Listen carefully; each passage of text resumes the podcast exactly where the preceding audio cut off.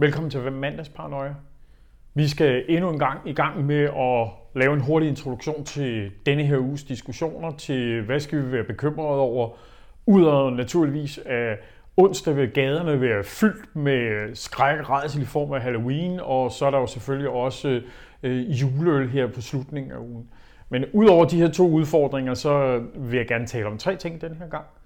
Og den ene, det er hvordan at vi ser problemer med den regeringer i Europa nu og i fremtiden, hvor enten den yderste højrefløj eller den yderste venstrefløj giver partierne inden omkring midten problemer med, hvem de kan danne regering sammen med.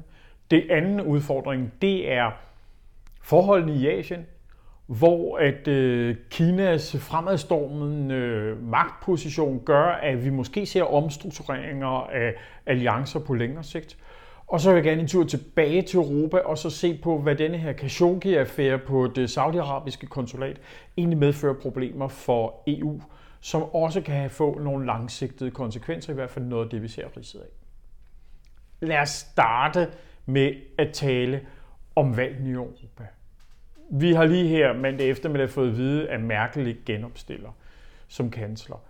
Og vi kan se, at Merkels Tyskland er ved at være ramt af et problem med Alternative for Deutschland. Flere og flere steder, så ikke bare Alternative for Deutschland, men også de grønne vinder frem. Og det gør de på bekostning af de klassiske øh, CDU, som er Højrefløjspartiet, og SPD, altså Socialdemokraterne. Og det gør, at de får færre mandater at arbejde med de to klassiske partier, som man har opbygget regeringskonstellationer sammen med, så vi kan se, at der bliver problemer i løbet af de næste par år med, hvordan at de skal lave regeringer. På samme vis har vi lige i dag fået at vide, at i Sverige er det endnu en gang ikke lykkes at lave en regering. Og her er det mest af alt, at hverken Socialdemokraterne eller højrefløj, ja, midterhøjrefløjen i Sverige har lyst til at lave en regering sammen med øh, de øh, efter nogens mening meget yderliggående Sverigesdemokrater.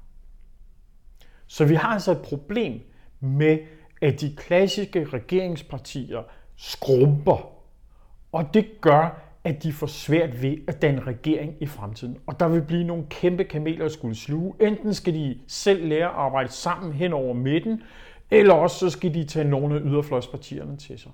Det bliver spændende at følge. Hvis vi så øh, kigger over mod Asien. Kina har markeret, at Kina vil være en af verdens førende magter i 2049. På det teknologiske område har de medført, at de vil være førende allerede i 2025 på f.eks. kunstig intelligens. Samtidig ser vi et USA, der trækker sig tilbage under Trump. Han siger America first, men det medfører jo altså også, at han trækker sig tilbage. Det gør, at for eksempel en klassisk amerikansk allieret som Japan nu overvejer, kan vi få støtte nok fra USA? Ja eller nej? Det er man usikker på. Derfor er øh, ministerpræsident Abe i øh, Kina og ikke bare markere det første besøg i en 6-7 år i Kina, men også gøre et forsøg på at de, gøre de kinesiske-japanske relationer væsentligt bedre, for han er usikker på, om han kan få støtte fra USA. Det er dybt bekymrende, fordi det har noget at gøre med, hvordan fungerer alliancepartnerskaberne på lang sigt. Og lige nu ser vi tingene være under omstrukturering. I sidste uge talte vi om Khashoggi-affæren, hvor det sådan så er en saudiarabisk journalist er blevet myrdet på det saudiarabiske konsulat i Tyrkiet. Det er nu ved at udvikle sig til, til lidt forskellige ting, og det jeg vil fokusere på, det er, at Angela Merkel i Tyskland, hun sagde, skal vi ikke lave våbensanktioner. Våbensanktioner imod Saudi-Arabien. Og det bekymringsfulde her, det der skal give os paranoia, det er, at hun til synligheden har gjort det uden rigtigt at få det koordineret med Macron i Frankrig. Det gør, at Macron er fanget på det forkerte ben, og det gør, at den franske udenrigstjeneste ikke helt er med på ideen. Og man må altså også stille spørgsmålstegn ved, giver det overhovedet mening at lave sanktioner over for Saudi-Arabien? Vil de overhovedet kunne mærke det? Ja, vi kan godt træde lade være med at sælge våben til Saudi-Arabien, så er der bare nogle andre, der gør det. Vi kunne også lade være med at sælge mælk, eller vi kunne gøre alle mulige mærkelige ting og sager over for Saudi-Arabien. Men virker det? Helt ærligt, Mit kolde og kyniske bud er, nej, det virker ikke. Men til gengæld har Merkel endnu en gang lavet en politisk handling, hvor hun ikke får samlet EU, som er en af verdens allerstørste økonomier, men hun har desværre fået splittet EU. Det bekymrer mig virkelig meget. Det var min gang mandagsparanoia. Vi ses om en uge.